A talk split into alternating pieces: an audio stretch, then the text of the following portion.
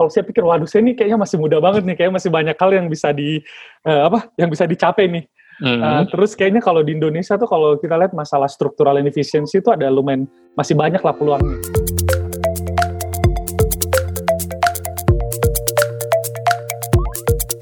Selamat datang kembali di ceritanya Developer Podcast bersama saya Riza. Dan di podcast ini kita akan mendengarkan cerita dari developer, programmer, software engineer keren tentang masa lalu, masa kini, dan masa depan mereka. Tentang bagaimana mereka memulai karir sebagai developer. Dan kita juga akan mengorek-ngorek cerita tentang komputer pertama mereka, pengalaman ngoding pertama, pekerjaan pertama, hingga hal-hal random lainnya. Podcast ini diedit dan diproduksi oleh Deep Tech Foundation, sebuah lembaga non-profit yang mempunyai misi yaitu menyetarakan talenta digital di seluruh Indonesia. Dan sekarang kita sudah bersama Mas Syafri Bahar, uh, eh, VP Data Science uh, dari Gojek. Uh, halo Mas Syafri. Halo Mas Risa. Gimana kabarnya? Alhamdulillah baik-baik Mas. Ini baik, ya? berusaha ya? tetap survive nih tetap di antara survive. work from home. Iya benar. Gimana uh, apa experience work from home? Ini Gojek ini sebelumnya nggak work from home ya? Uh, jadi sebenarnya itu lebih ini sih lebih sifatnya lebih opsional. Opsional. Uh, kebetulan juga kalau di data science kita timnya juga uh, distributed. Jadi hmm. ada tersebar juga di beberapa kota gitu. Jadi emang emang dari sisi uh, remote working sebenarnya udah udah kebiasa sih. Tapi baru sekarang aja yang benar-benar full day, full week tuh di rumah sih yang makanya hmm. harus betul-betul kebiasaan gitu. Oh, jadi mungkin hmm. uh, parsial udah, tapi yang benar-benar full scaling satu company belum kali ya? Benar, benar ya. ya. Jadi harus dipaksa dulu sama virus baru bisa WFH ya. benar. Sekarang kita uh, ngobrol-ngobrol tentang uh, ceritanya Mas Syafrin. Gimana pertama kali uh, kenal sama komputer? Wah, oke. Okay. Jadi sebenarnya kalau perkenalan saya sama komputer tuh saya dari oh kecil dari kecil banget sih Mas. Jadi saya dulu emang lumayan apa sih namanya sangat passionate banget ya. Jadi pemrograman saya pertama tuh kalau nggak salah di umur 6, 6 apa 7 tahun malah waktu itu. Jadi waktu itu saya ingat uh, ayah saya kan kebetulan guru matematika nih, Mas. Uh, guru matematika terus ada kalkulator kalau nggak salah mereknya tuh Casio FX 3600 Nah, FX 3600 itu udah udah apa sih namanya udah bisa pemrograman waktu itu. Kalau nggak salah pakai basic ya dia mereka, mereka makainya. Jadi looping hmm. itu harus pakai go to dulu nih dari line ke 10 terus go to kedua apa namanya go to ke 5 terus diulang-ulang kan. Jadi hmm. lumayan agak primitif banget sih. Cuman okay. emang um, pengenalan ke programannya itu lumayan dari kecil sih. Itu, itu jadi program pertama kalau nggak salah ini nih yang bisa masukin angka-angka kayak uh, pertanyaan-pertanyaan terus bisa nebak tanggal lahirnya tanggal berapa gitu. Ya, oh. Ya, sederhana sih sebenarnya. Okay. Buat anak kecil lumayan sederhana lah ya. Buat um, anak kecil lumayan kompleks. Iya, iya. Berarti udah kayak expose dari dari kecil ya? Iya, Mas benar, benar dari kecil. Hmm. Terus kan emang dulu zamannya kayak kalau kita masih zaman dulu banget kan tuh masih ada hmm. DOS ya. Jadi saya mau ya. mulai banget itu waktu DOS. Terus pemrograman pertama saya yang benar-benar yang full pledge uh, pemrograman itu Pascal sih. Kalau mungkin Mas hmm. Risa masih ingat ya. ya. Pascal, Turbo Pascal cinta pertama saya tuh di programan itu sih. itu uh, Pascal itu kapan uh, dapatnya? Si juga mulai baca buku itu sekitar itu sih mas deket-deket yang pemrograman di kalkulator sih jadi mungkin sekitar hmm. 8 tahunan 9 tahunan lah jadi emang 9 tahun. sendiri sih. Iya oh, jadi umur, umur kecil banget. Uh, boleh di-share nggak itu kira-kira tahun berapa sih DOS itu berarti oh, tahun 90-an. Eh, ya benar mas. Ah, ah. 90-an ya? 90-an lah ya, ya benar. 90-an. 90-an. Ya. Uh, uh. Hmm. Oke, okay. nice. Nah, terus uh, boleh diceritakan nggak? Jadi dari mulai SD udah kenal uh, kalkulator yang bisa diprogram, pakai basic, terus ketemu Pascal, terus mungkin uh, lanjut ke SMP, SMA dan kuliahnya. jadi saya ingat banget sih. Uh, jadi emang pertama tuh uh, Turbo Pascal sih. Jadi waktu itu hmm. sebenarnya yang bikin passionate itu karena ini sih mas. Jadi waktu kecil tuh somehow seperti kebanyakan anak lain tuh pengen jadi astronot. Jadi suka banget sama apa sih namanya hal-hal yang berbau luar angkasa. Nah pada waktu itu kebetulan sempat lihat ada animasi UFO gitu. Jadi animasi UFO di televisi terus kayak pingin ngebet banget bisa nggak sih gimana cara bikinnya gitu. Nah waktu itu kebetulan di salah satu rak buku punya ayah itu ada ini programan Turbo Pascal dan salah satu bagian chapter terakhir itu ada ceritanya gambar UFO yang ada bintang-bintang berkelip-kelip. Nah itu itu sih jadi yang lumayan uh, jadi motivasi pada waktu itu buat ngulik-ngulik sampai kalau nggak salah berminggu-minggu pada waktu itu sih buat ngulik-ngulik ya. Jadi kayak pertama di apa kenalan juga sama dasar-dasar animasi dari uh, apa koordinat-koordinat perpindahan koordinat dan sebagainya. Itu saya dari dari di trigger dari hal yang lumayan sepele sih sebenarnya. Jadi kecintaan sama luar angkasa dan emang waktu itu emang pingin bikin uh, sesuatu ini aja sih fun-fun aja sih sebenarnya buat buat bisa bikin sesimpel animasi sederhana gitu dengan menggunakan program kan. Hmm. Uh, itu tuh makanya udah waktu itu udah mulai belajar Pascal. Terus sebenarnya dari sisi uh, kalau kita lihat lagi masalah matematika misalkan, jadi dari dari kecil sebenarnya saya sudah lumayan tertarik sama matematika sih. Jadi kalau hmm. ayah kan uh, kebetulan guru matematika ya, ya. Uh, jadi mengajar matematika di SMA pada waktu itu. Oke. Okay. Tapi sebenarnya di rumah gak, gak pelit juga sih mas. Jadi kadang-kadang kalau saya nanya pertanyaan matematika tuh nggak mau, nggak suka nggak mau diajarin gitu. um, uh, uh, jadi pernah tuh pada waktu satu waktu tuh saya ingat banget tuh guru kelas 5 nanya tentang uh, barisan, barisan aritmetika mas. Hmm. Kalau barisan aritmetika kan kita lihat tuh ada yang turunan satu, turunan dua kan ya. ya. Jadi dia dua kali harus di diferensial dua kali baru bisa dapat yang uh, konstannya lah ya, yang penambahannya. Hmm Ya. nah, udah waktu itu penasaran banget kan Mas mau pecahin uh, gimana sih kalau kita punya misalnya ada reta aritmetika yang dua atau tiga level gitu. Um, waktu itu kelas 5 SD kalau nggak hmm. salah.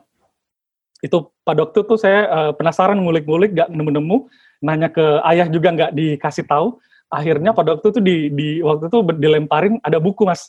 Di waktu itu ada buku tentang uh, khusus membahas tentang barisan. Nah waktu itu dilem, uh, dilempar juga agak ini banget, cuman ceritanya langsung ditaruh di depan aja. Ya udah nih baca di sini nih, papa sibuk gitu kan. papa sibuk, jadi nggak ada waktu buat ngasih ngajarin. Jadi pada waktu itu ya udah, masih saya dengan polosnya uh, ambil buku itu terus saya baca-baca, terus akhirnya kayak coba, oh ini konsepnya nih menarik nih. Nah saya baru nyadar kalau setelah berapa tahun kemudian bahwa ternyata buku yang dikasih ke saya itu pada waktu kecil sebenarnya itu buku uh, tingkatan universitas waktu itu sih.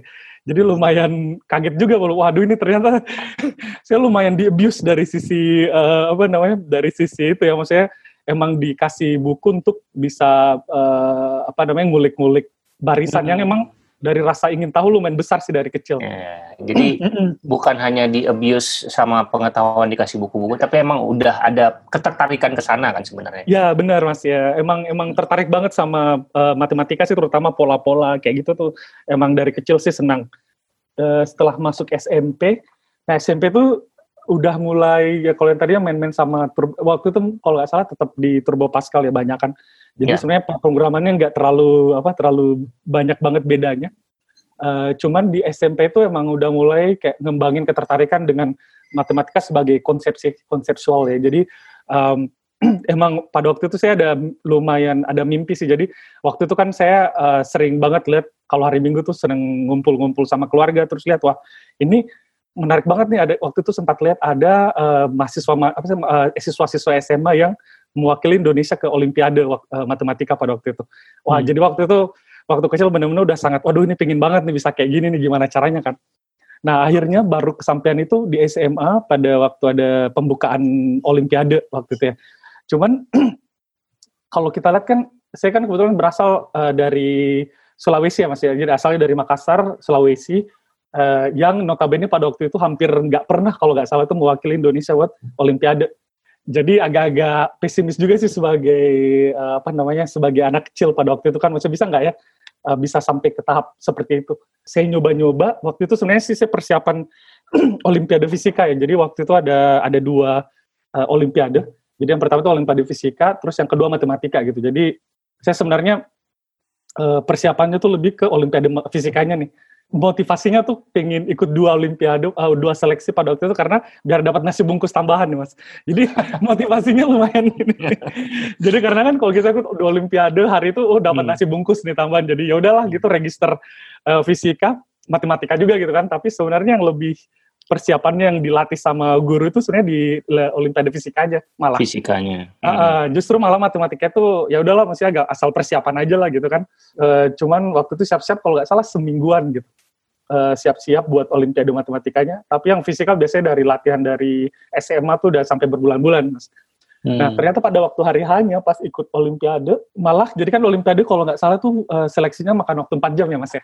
Yang pertama itu justru yang matematikanya, Mas. Jadi uh, ikut yang matematikanya 4 jam udah nggak bisa mikir, Jadi malah yang fisikanya itu ceritanya setengah-setengah uh, pada waktu tes kedua kan. Uh, jadi udah udah lumayan kecewa lah karena uh, pada waktu itu persiapan cuma seminggu yang matematika, sedangkan justru fisikanya sendiri gak dapat kan. Nah ternyata alhamdulillah setelah ini baru ternyata baru keluar pengumuman kalau bisa lolos ke seleksi tingkat nasional uh, dan sampai akhirnya bisa uh, mewakili Indonesia pada waktu itu juga ke Olimpiade Matematika. Jadi saya waktu itu sama Mas Najib sih mungkin kalau kenal Mas Najib ya selalu satu tim waktu itu berangkat semenjak dari situ sih sebenarnya baru ada benar-benar kayak ketertarikan secara formal terhadap matematika sih mas. Cuman pada waktu itu emang programming nggak gitu terlalu ini ya, jadi baru di pick up lagi tuh eh, pada waktu kuliah sih sebenarnya.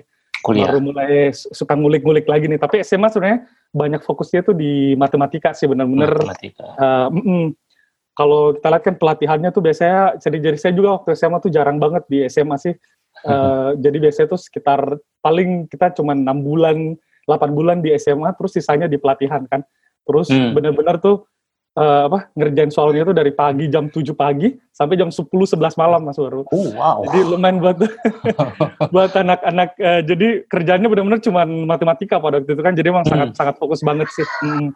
Ambil kuliah di jurusan Brawijaya waktu itu ngambil matematika ngambil matematika murni terus uh, dari sisi pemrograman yang mulai lagi nih tumbuhnya cuman waktu itu saya banyakkan main di DLP sama mm-hmm. kayak buat animasi balik lagi waktu itu ada flash mm. flash script lah ya bener pada waktu itu kan masih ada ada zaman tuh di mana flash masih Mas Risa mungkin tahu lah ya ada zamannya di mana itu lumayan populer lah waktu itu kan iya, anak-anak yeah, yeah. muda senang bikin uh, apalagi kalau mau buatin buat pacarnya kan buat bikin animasi. Electronic card gitu ya ngirimin ke siapa. Bener bener bener. Oke. Okay. Motivasinya kayak gitu ya. Uh. Um, nah, jadi programnya kayak gitu terus sambil jalan sama matematika kan. Jadi hmm. waktu itu sempat uh, apa sih namanya? ngelesin dan se uh, apa ngelesin matematika dan sempat ngebina anak olimpiade juga sih pada waktu itu. Kebetulan okay. ada juga beberapa siswa saya yang uh, pada waktu itu sampai ke dapat medali perak tuh Andreas uh. di dunia ya level dunia. Hmm. Jadi saya lumayan lumayan kebanggaan juga sih bisa okay. kayak ngelatih.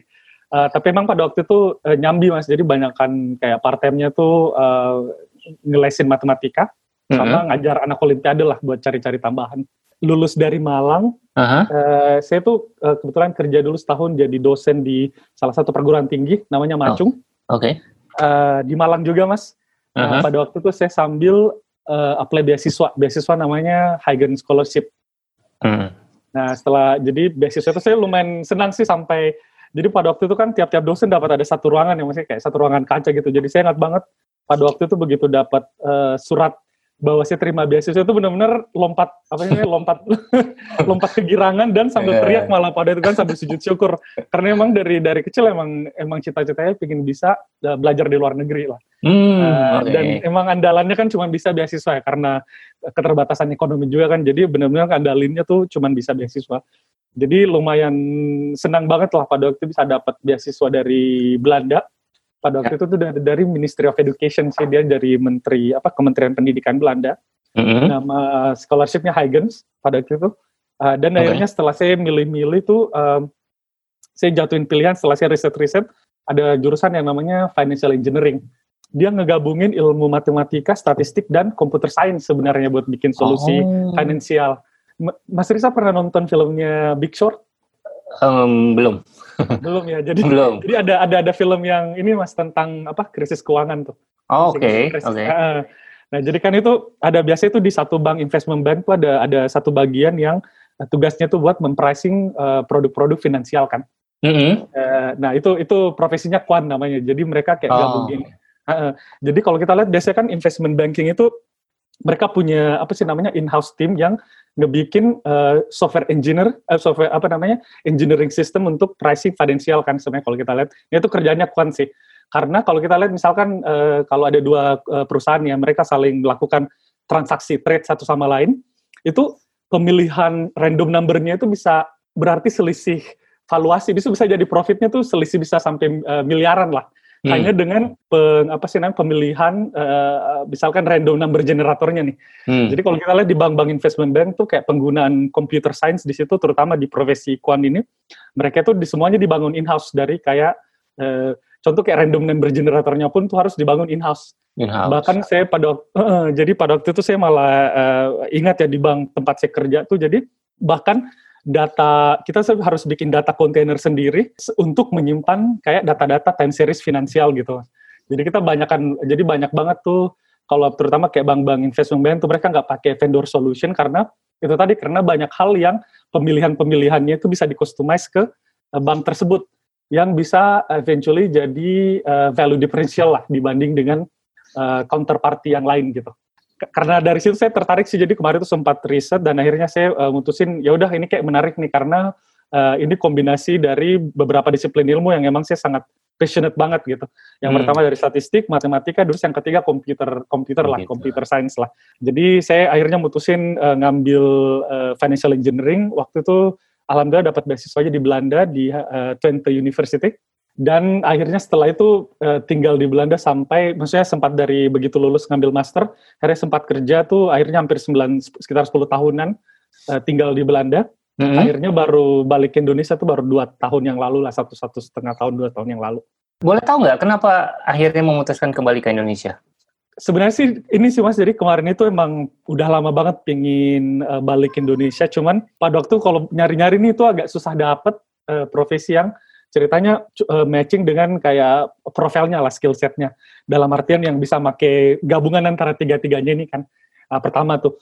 Nah terus ada satu saat di mana saya waktu itu sempat browsing browsing LinkedIn terus akhirnya muncullah uh, waktu itu Nadim Uh, hmm. jelasin tentang Gojek waktu itu. Dan okay. waktu itu saya nggak tahu, tahu Gojek itu apa. Terus hmm. uh, akhirnya saya mulai lihat ini ada apa nih di Indonesia kok kayaknya lagi ada yang seru nih kejadian nih. Hmm. Um, terus akhirnya saya mulai kenal yang namanya Tokopedia, Shopee, Traveloka tuh baru tahu tuh pas uh, pada waktu browsing itu mas. Jadi pas lihat videonya Nadim, saya tahu tentang Gojek. Dari situ ada link hyperlink lagi ke link yang lain. Akhirnya saya klik. Jadi yang tadinya tuh cuman uh, ceritanya browsing-browsingnya buat berapa menit doang akhirnya jadi sekitar tiga jam tiga empat jam lah waktu itu saya ingat banget baru selesai browsing itu jam-jam tigaan akhirnya okay. wah ini kayaknya Indonesia lagi menarik nih ada lagi ada nah. digital movement kan hmm. nah terus waktu itu juga pas nih lagi krisis-krisis Prabaya kali ya jadi hmm. juga mulai kayak refleksi waduh ini saya selama ini kan uh, kerja di apa sih namanya kerja di finance lah ya maksudnya jadi dalam artian kerjaan dengan duit cuman duitnya orang lah jadi pengen banget punya uh, kontribusi yang lebih sifatnya bersifat sosial gitu. Hmm. Um, mm, jadi pengen banget tuh kalau kita misalnya contoh nih kalau misalnya saya bikin model apa saya bikin uh, apa engineering system buat suatu uh, bank misalkan ya. Itu kan kalau kita lihat pengaruhnya impactnya tuh cuman terbatas banget kan di bank tersebut sama stakeholdernya dan dan nggak bisa benar-benar reach out-nya tuh nggak bisa terlalu luas gitu kan. Nah, uh, berdasarkan itulah akhirnya saya mikir wah ini uh, kayaknya menarik nih buat bisa balik ke Indonesia dan uh, dan kalau kita lihat kan juga di pasar Eropa sebenarnya lumayan saturated ya mas ya.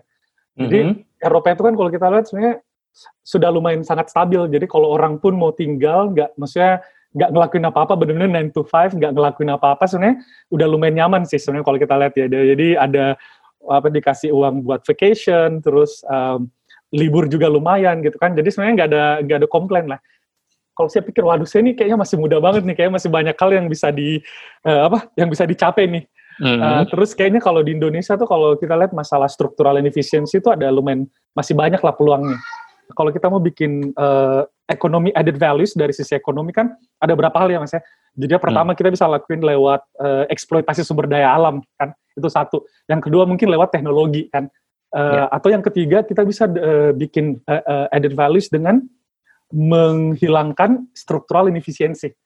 Yang sebenarnya hmm. kalau kita lihat kan di Indonesia masih lumayan besar banget peluangnya kan. Kayak hmm. misalkan dari sisi orang ngantri sebelum membayar uh, ini misalkan pajak atau misalkan dari sisi itu tadi kan kayak misalkan contoh sektor informal Gojek lah kalau saya disambil El kan. Di mana sebelumnya kan kalau kita lihat uh, tukang Gojek itu banyak lama nunggu untuk nunggu penumpang, sedangkan hmm. di lain pihak penumpang juga sebenarnya butuh uh, uh, tukang ojek juga kan, cuman nggak ada yang marketplace yang mempertemukan gitu. Itu kan yeah. contoh-contoh dari struktural efisiensi kan. Akibatnya apa?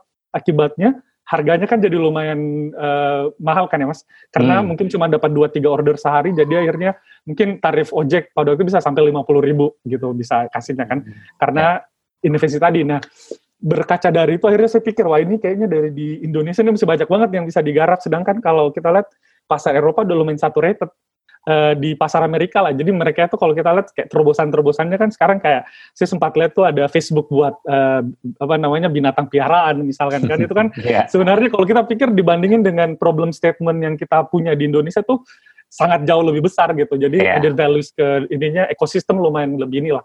Hmm. Nah berdasarkan dari itu akhirnya saya nekat pulang walaupun yeah. sebenarnya udah nyaman di uh, Eropa jadi akhirnya hmm. waduh nih kayaknya uh, ya udah kita pulang aja lah jadi saya bilang sama istri kan waktu itu hmm. uh, ya udah akhirnya saya sampai di sini lah sampai ke hmm. jadi saya sebenarnya sempat kerja dulu di salah satu fintech ya. sebelum akhirnya masuk ke Gojek kurang lebih gitu ya jadi uh, apa dari mulai S1 ambil matematika S2 hmm. financial apa tadi engineering engineering kemudian ya. bekerja di uh, sektor perbankan ya di sana benar pulang ke Indonesia juga masih masuk ke perbankan sama fintech terakhir abis itu baru loncat ke startup bener mas bener banget iya oke okay. nah um, punya selama apa jadi uh, apa bekerja di dunia pemrograman ini ya baik jadi engineer ataupun jadi mm -hmm. apa data data science saat ini itu ada momen atau kontribusi yang membanggakan nggak sampai saat ini? Uh, sebenarnya terutama yang saya lumayan bisa inilah. Jadi kalau saya sebenarnya refleksi lagi kayak waktu-waktu hmm. saya di tempat yang sekarang ya di gaji Gojek kan. Jadi yeah. saya tuh kadang-kadang kalau bangun pagi emang sangat termotivate banget sih. Jadi pingin hmm. banget selalu ke kantor karena saya tahu banget kayak kontribusi-kontribusi yang saya buat gitu di uh, di tempat yang sekarang tuh impactnya langsung ke banyak orang gitu kan. Kayak hmm. kalau uh, kayak kalau contoh misalnya kita lihat nih hal-hal yang sederhana aja kan kalau di di driver app-nya di Gojek tuh kalau kita lihat kan ada uh, contohnya mana heatmap ya sistem heatmap. Hmm. Jadi di mana sistem heat map ini bisa ngasih tahu uh, driver kira-kira mereka harus ke mana gitu. Kalau kita lihat uh, secara prediktif uh, lokasi uh, ceritanya yang demandnya bakal banyak tuh di lokasi mana sih? Oke. Okay. Uh, itu kan kalau secara nggak langsung itu bisa berkontribusi kepada income dari mitra income mereka. Ya, ya. Uh, uh, mitra tuh dari situ dari satu sisi hmm. itu kan Uh, kalau saya mungkin bisa sambung cerita tim, tim data scientist di Gojek, yang boleh nggak? Yeah. Boleh, boleh, silakan, silakan. Nah, jadi kan kalau kita yang dikerjain sama tim data scientist di Gojek itu kan sebenarnya kalau kita lihat sistem intelligence kan kayak recommendation engine yang kita yeah. di GoFood, mm-hmm. uh, itu salah satunya kan. Terus yang search-nya misalkan itu dikerjain mm-hmm. sama data scientist juga. Mm-hmm. Terus alokasinya antara matchmaking antara driver dan order tuh. Terus kita juga ada namanya promo promo engine ya. Mm. Uh, itu juga dikerjain sama tim data scientist di Gojek. Bahkan uh, Gosen misalkan rutenya nih rutenya yang paling efektif tuh di sebenarnya masuk ke dalam ranahnya data science yang ada di Gojek juga sih mas. Oh. Nah, kalau kita salah satu mungkin hal yang lumayan menarik dari Gojek adalah apa pun yang kita buat itu kita harus selalu bisa nge-quantify secara data impact-nya kan mas. Hmm. Nah, nah kalau kita lihat sebenarnya sistem-sistem ini dengan sistem A/B testing atau misalkan sistem switchback testing atau beberapa metode lain kan kita bisa benar-benar quantify ini value added-nya buat kayak kira-kira income driver yang bisa ketambah tuh seperti apa sih? Atau uh, uh, dollar yang bisa di-save sama company itu seperti apa sih? Uh, dengan menjadi data science di Gojek tuh, uh, karena nature-nya adalah sistem yang di-maintain itu adalah low latency system yang dengan secara intelijen bisa ngebantuin Gojek untuk mengambil keputusan yang sifatnya mikro banget kan mas. Jadi dari hmm. skalanya tuh lumayan sangat besar sih sebenarnya kalau lihat dari uh, kuantifikasi kontribusinya.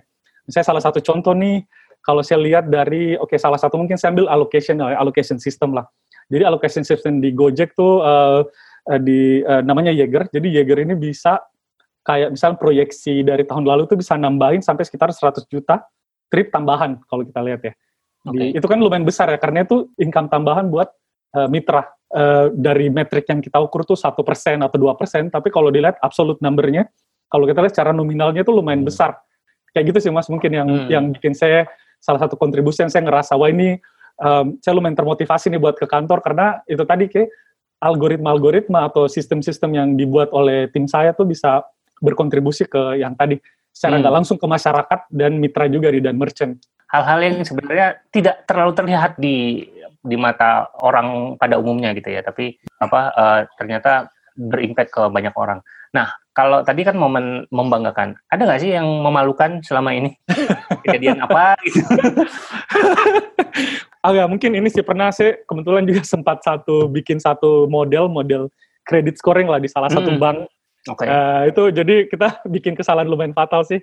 Hmm. Jadi hanya gara-gara angkanya yang harusnya plus jadi negatif gitu. Jadi uh. jadi harusnya negatif. Jadi kesalahannya ternyata lumayan fatal karena kalau kita hmm. lihat di uh, fintech kan atau mungkin di dunia kredit risk kan kalau misalnya kita ada kesalahan di pembuatan model artinya uh, bad customer tuh yang tadinya uh, harusnya dikit malah yang kambil malah banyak banget kan. Malah banyak. Itu yang yang apa sih namanya jadi portfolionya jadi kualitasnya jadi jelek karena banyak Hmm. customer-customer yang justru harusnya kita mau eh, nggak mau masukin ke dalam portfolio malah masuk ke dalam gitu. Malah Eh, masuk. dari sisi eh, kemampuan mereka untuk membayar kembali misalkan Hmm. loan-loan yang mereka punya kan. Lumayan memalukan sih karena sebenarnya kesalahannya lumayan sepele Mas kalau kita pikir ya Ya. dari plus plus satu jadi negatif satu gitu kan kalau kita lihat. Tapi ternyata impact-nya lumayan besar gitu. Hmm. Mm-mm, jadi belajar dari kesalahan itu sebenarnya saya eh, akhirnya ini sih saya juga sering bilang ke anak-anak di tim Mhm. bahwa eh, we need we need to take our job seriously karena sedikit kesalahan yang kita mungkin anggap sepele di sistem itu bisa berakibat. Jadi saya cenderung bilang ke anak-anak bahwa yang kita lihat di angka itu bukan cuma sekedar angka loh, ini angka ini merepresentasi kehidupan orang-orang gitu, terutama yang orang-orang dari sisi yang itu tadi kan mitra-mitra kan kalau kita lihat. Jadi please do take this seriously. Jadi kalau Hmm. kita lihat eh, production checklistnya lumayan banyak ya. Kalau kita mau Oke. ngedeploy suatu apa namanya algoritma kecerdasan buatan ke sistem, apalagi terlebih yang dipakai untuk memanage bisnis gitu dengan skala besar. Jadi itu yang selalu terngiang-ngiang di kepala saya sih, Mas Rizal. Hmm. Oke, sip. Mm-mm. Jadi eh, pernah melakukan kesalahan terus belajar dari situ ya. Ya benar. Nice. nah, eh, kalau mentor, punya nggak sih mentor di awal-awal karir mungkin? Eh, namanya Bart sih kayaknya. Gak tahu ada denger ya. Jadi Bart Bart van de Hoek ya. Jadi Hmm. itu salah satu mentor yang lumayan saya teringat sih. Jadi saya waktu di training pertama kali itu jadi quant di Rabobank pada waktu Oke, itu. oke. Itu tuh tradingnya agak lumayan lumayan inilah. Jadi kayak misalnya contoh ini kita benar-benar disuruh bikin analisis dan kesimpulan hanya dengan menggunakan lima statistik dasar misalkan kan. Hmm. Eh, eh, average, eh, persental, kuantal, maksimum, Hmm. minimum gitu kan. Oke. Jadi itu benar-benar lumayan di tempatnya kayak gitu sih. Jadi itu lumayan Hmm. mentor yang menurut saya lumayan ini banget sih. Eh, dan dia juga termasuk salah satu orang yang saya maksudnya respect lah. Hmm. Jadi kadang-kadang itu kita benar-benar di training jadi kuant tuh benar-benar bisa tinggal sampai jam 2, jam 3 pagi lah. Karena emang kadang-kadang banyak eh, apa sih namanya apalagi kalau kalau di dunia investment banking kan waktu ada lawang, maksudnya kita nggak Iya. benar-benar nggak bisa nunggu kan. Jadi Iya. emang eh, lumayan serius lah pelatihannya. Hmm. Tapi sampai sekarang lumayan kerasa sih. Jadi kayak analitik-analitik, kemampuan analitik itu benar-benar kepres pada waktu itu. Benar bisa nggak Hmm. sih kita nggak bergantung sama algoritma-algoritma, maksudnya yang lumayan kompleks. Cukup hal-hal sederhana gitu.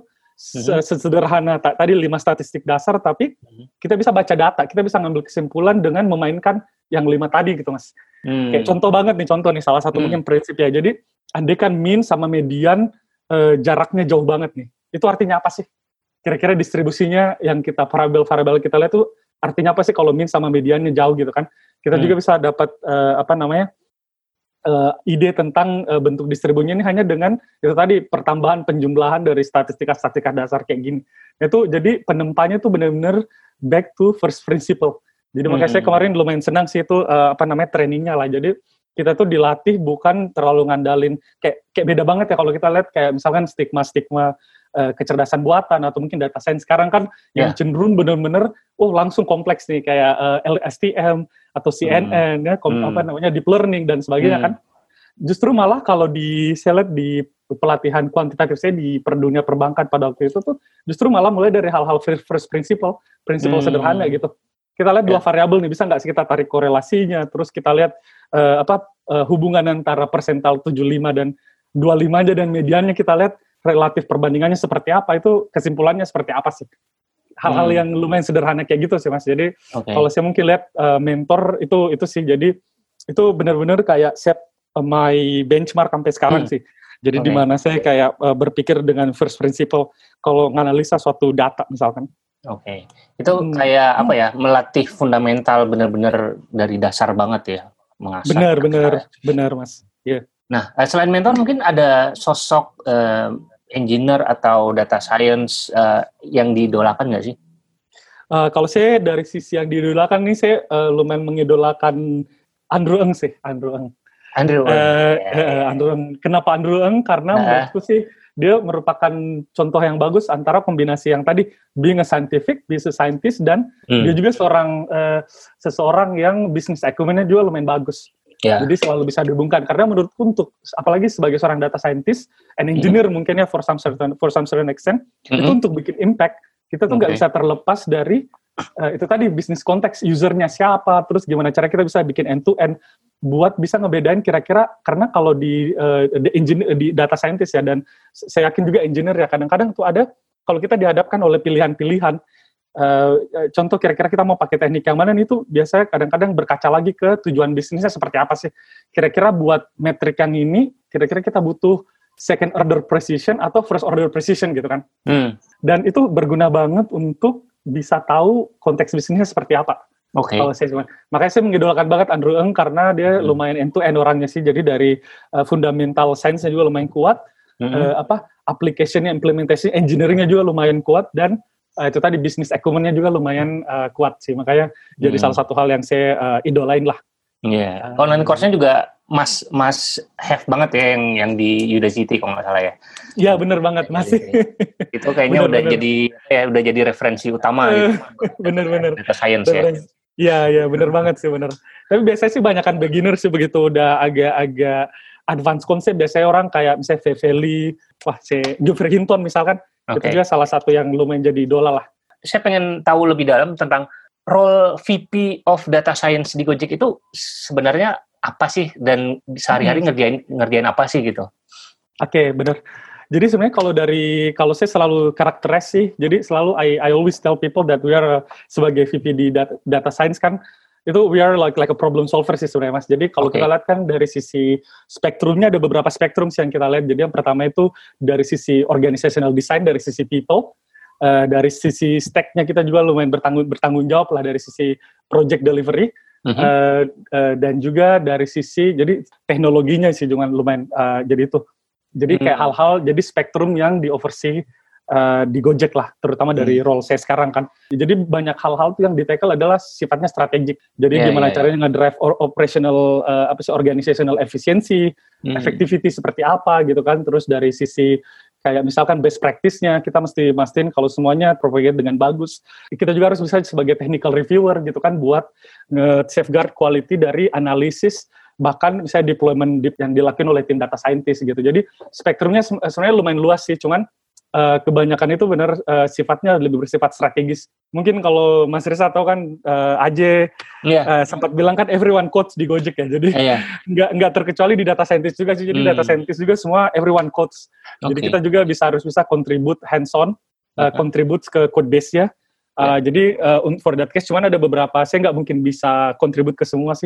Jadi kalau hmm. kita lihat hmm. data science di Gojek kan ada 12 stream ya Mas. Jadi 12 stream itu ada sekitar 50-an orang itu tuh di luar data science platform. Jadi dulu itu ada kita ada satu um, dedicated unit yang ngurusin software engineering frameworknya buat data scientist sebenarnya hmm. sih. Jadi kalau itu di exclude itu sekitar 50, kalau mau dimasukin ke dalam itu sekitar 6 sekitar 65 orang lah kurang lebih. Hmm, okay. uh, Jadi streamnya lumayan luas gitu. Jadi agak susah banget sih buat bisa uh, terlibat di semuanya sih. Jadi biasanya lumayan selektif, tergantung dari um, yang yang penting buat di deliver tuh project yang mana sih, dua tiga project yang mana sih. Itu yang biasanya saya lumayan terlibat dari sisi technical directionnya sama hmm. kontennya hmm. juga. Cuman hmm. uh, selain itu sih banyakkan juga ngurus kayak organizational design-nya. Uh, organizational design itu kadang-kadang dianggap sepele, cuman ternyata lumayan ngefek juga gitu. Yeah. kalau kita lihat di organizational design, apalagi kayak ukurannya kan, kalau kalau saya juga lumayan terlibat di data. Kalau data secara keseluruhan kita ada mungkin sekitar 200 250-an orang total di uh, Gojek ya dari orang-orang data. Dan organize ourselves itu sebenarnya lumayan krusial gitu karena ada banyak pilihan karena kalau kita lihat apakah kalau kita mau struktur itu jadi fully embedded team di mana misalkan ada leader-leader di tiap-tiap produk. Kalau kita lihat ya apa gimana sih mau di structure datanya atau data scientistnya? Apakah kita lihat data scientist itu sebagai centralized team? Apakah kita lihat sebagai product team? Atau kita lihat sebagai full embedded team yang sifatnya ad hoc? Itu pun uh, jadi lumayan banyak aspek lah yang kita lihat dari sisi itu. Nah itu sema, uh, termasuk salah satu uh, scope yang saya juga kerjain sih di on day to day basis. Jadi itu tadi mas ada beberapa spektrum lah yang kita ya, kerjain. Ya. Ya. Nah, hmm. uh, boleh di share nggak apa teknologi-teknologi yang dipakai di Gojek di timnya data science-nya Gojek? Jadi kalau teks-teks sebenarnya kita lumayan ini sih agnostik lah. Jadi kalau kita lihat data scientist yang kita punya di Gojek sebenarnya mereka tuh bisa coding di Go, bisa coding di Java, okay. Okay. Uh, dan Python juga sih salah satunya. Ada juga beberapa yang kayak misalkan uh, algoritma-algoritma logistik tuh mereka biasanya bikinnya di C++. Jadi lumayan dari sisi programming language sebenarnya nggak ada gitu tuntutan harus pakai Python R atau gimana, hmm. cuman uh, kita milihnya sih banyakkan Python untuk terutama buat deployment sih. Jadi uh, deployment itu banyak kan pakai Python tapi uh, nggak eksklusif. Jadi ada juga beberapa kasus di mana uh, programming language kayak C++, Go atau Java tuh dipakai. Terus kalau kita lihat teknologi kayak misalkan artifact management dari modeling tuh kayak kita pakai Kubeflow. Uh -huh. uh, buat itu MLflow uh, sama Kubeflow itu kita pakai banget. Sama kayak deployment itu buat kayak tergantung kalau kita lihat kan lihat bikin taksonomi dari machine learning engine atau sistem yang ada di Gojek kan ada taksonominya ada banyak masih ada yang low latensinya ada yang low latency, ada yang batch, ada yang real time inference kan ada pembagiannya ada lumayan beberapa sih. Nah kalau kita lihat yang uh, contohnya nih real time ya. Kalau real time biasanya karena dia harus integrated ke dalam produk, berarti uh, let low apa SLA-nya juga lumayan harus ketat ya mas. Jadi kayak hmm. contoh tuh ada beberapa algoritma yang SLA-nya tuh harus bisa dikomput dalam waktu 30 sampai 35 mikrosecond misalkan. Oh wow, oke. Okay. Nah, kalau kayak gitu kan berarti the way we think about the stack juga uh, harus beda kan. Mas. Hmm, yeah. uh, yang jelasnya kalau dari buat machine learning yang sifatnya real time inference itu pasti kita deployment kita pakai Kubernetes buat clusternya. Hmm. Kalau yang batch sebenarnya sih banyakkan pilihan sih di jadi kita sebenarnya udah ada in-house produk namanya Clockwork yang hmm. sebenarnya ekstensi dari Airflow tapi buat Kubernetes cluster. Itu okay. juga yang banyak dipakai buat batch job.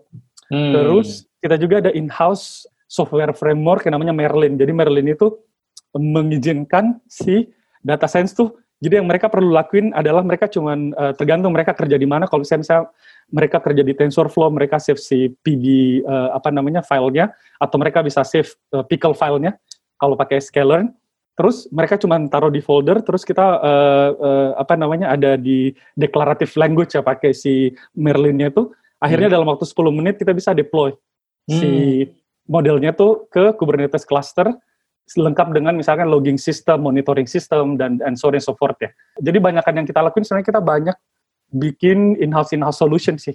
Uh, itu hmm. banyakkan dikerjain sama data science platform. Oke. Okay. Jadi stack-stack yang tadi yang apa banyak yang jelas semuanya hampir semua open source. Tapi dari hmm. open source itu kita diramu lagi menjadi software engineering framework yang bisa dipakai oleh data scientist. Okay. Jadi sebenarnya makanya salah satu requirement dari data scientist yang ada di Gojek mereka harus bisa end to end sih. Tapi enaknya itu karena ada udah ada beberapa software frameworknya sehingga mereka bisa lebih end to end dari sisi deploymentnya buat uh, teman-teman yang dengerin gitu, pengen mm-hmm. jadi seperti Mas Syafri, pengen jadi data scientist. Kira-kira mm-hmm. step-step apa sih yang harus mereka tempuh? Katakanlah mereka nggak punya background mm-hmm. matematika atau statistik. Apakah mereka harus ngambil jurusan matematika, statistik, atau uh, gimana? Mm-hmm. Pertanyaan bagus sih Mas, dan mm. itu saya pengen encourage banget sih. Jadi sebenarnya kalau kita lihat di dunia data scientist ya, jadi kalau kita lihat sebenarnya dari sisi jurusan yang bikin jurusan benar-benar data scientist itu hampir hampir minim banget ya terutama di Indonesia. Jadi sebenarnya tuh uh, kita di encourage banget buat cari sumber-sumber di luar sih. Hmm. Uh, dan sekarang kalau kita lihat kan hampir nggak ada excuse karena selama kita punya akses ke internet sebenarnya banyak banget course-course yang sifatnya online ya mas ya kalau kita lihat yeah. jadi di Coursera banyak, mm -hmm. uh, Udemy banyak, uh, mm. banyak banyak banyak banget nano degree nano degree yang bisa diambil.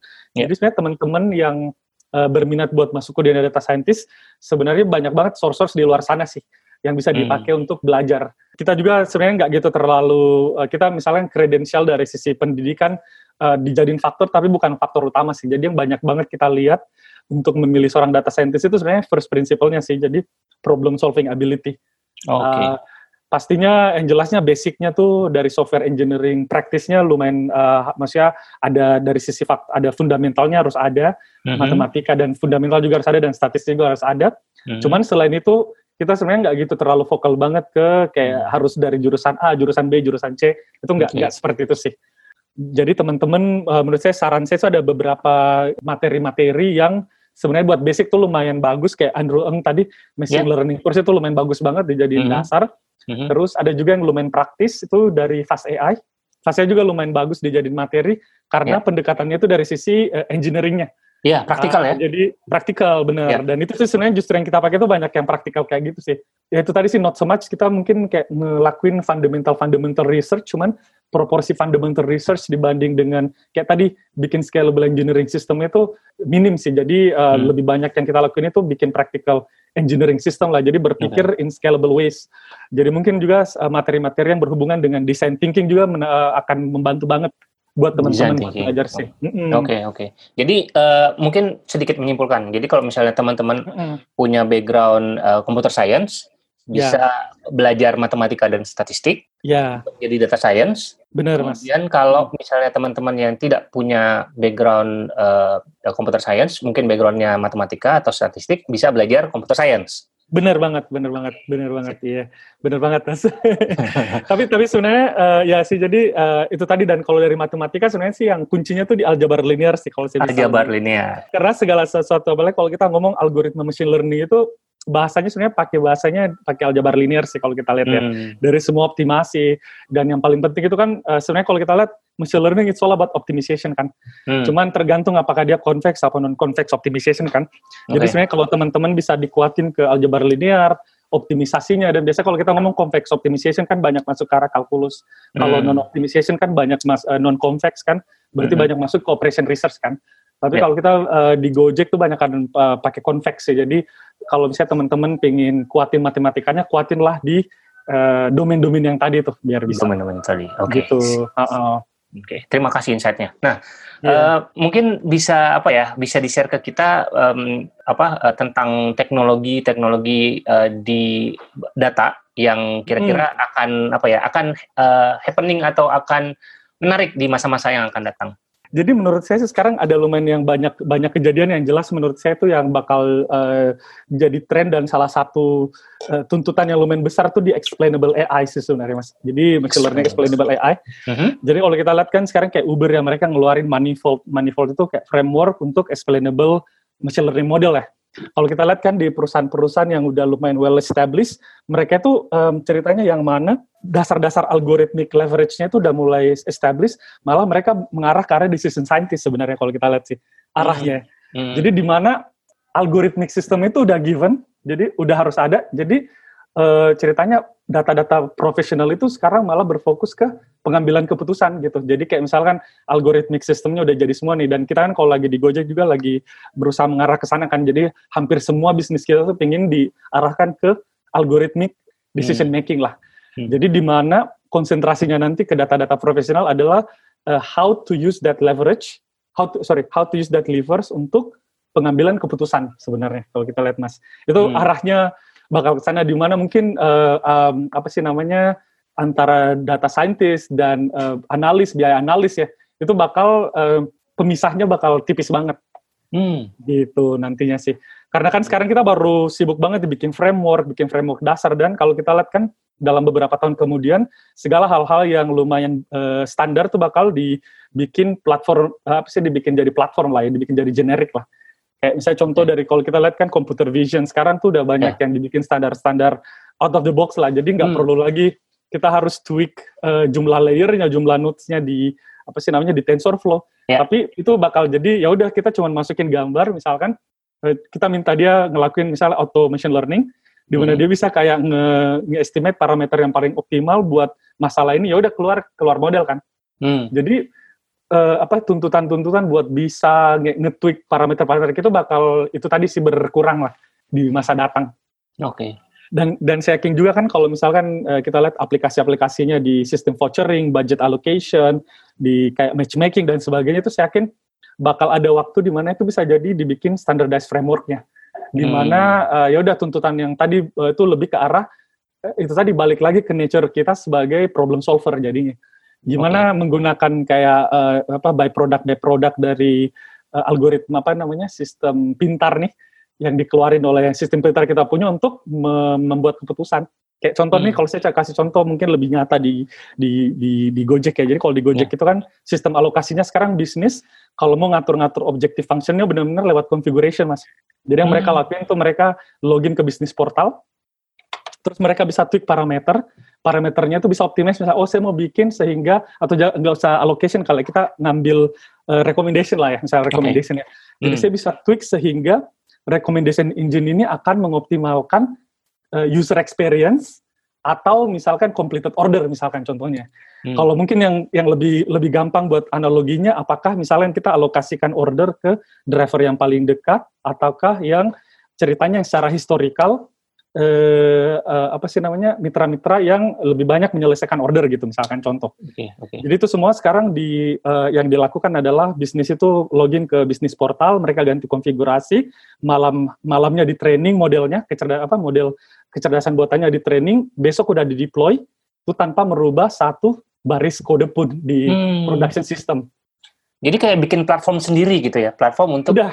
uh, udah ya, udah bikin Udah platform kejadian. sendiri. udah kejadian. Benar, jadi- Jadi kalau tiap kali kita ganti algoritma nggak usah nunggu lagi sprint cycle yang Hmm. dua dua minggu tiga Dua minggu, minggu. tapi benar. Jadi sekarang malah kita ada sistem yang update itu tiap 15 menit. Jadi kalau misalkan Mas Riza login ke bisnis portal, Mhm. terus ganti konfigurasinya sekarang tuh Mhm. dalam 15 menit udah di production, eh, udah ke deploy di production system Oh, nice. Tan- tanpa ganti kode satu sama sekali gitu. Hmm, Tanpa ada ngoding skam Tanpa sama ngoding sekali ya. sama Jadi sekali. orang bisnis Benar. bisa melakukan itu ya.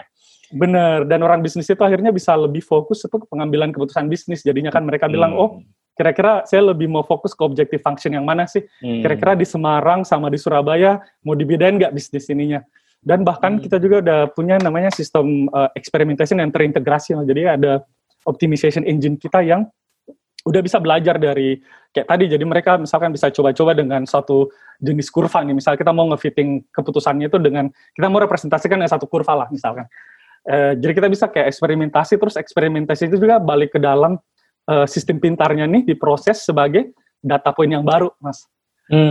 belajar adaptasi dengan data point yang baru untuk kayak uh, mengganti keputusannya gitu. Jadi karena kan kalau kalau kita lihat kan yang menarik dari Gojek karena semua kayak keputusan-keputusan yang dibuat itu ada kemungkinan merubah behavior dari si targetnya kan either uh, mitra atau consumer gitu. Jadi kalau kita bisa bikin model di Gojek tuh agak susah banget buat ngambil asumsi stationary assumption. Hmm. Kalau banyak kan kita bikin data science model sekarang kan selalu asumsinya adalah stationary kan mas. Ya. Jadi dalam artian kalau kita pakai data 30 hari yang lalu atau satu seminggu yang lalu, kita pakai bikin model, kita pakai untuk bikin prediksi 2-3 hari kemudian, itu udah nggak valid. Karena Hmm. karakteristik dari konsumennya, behaviornya itu berubah.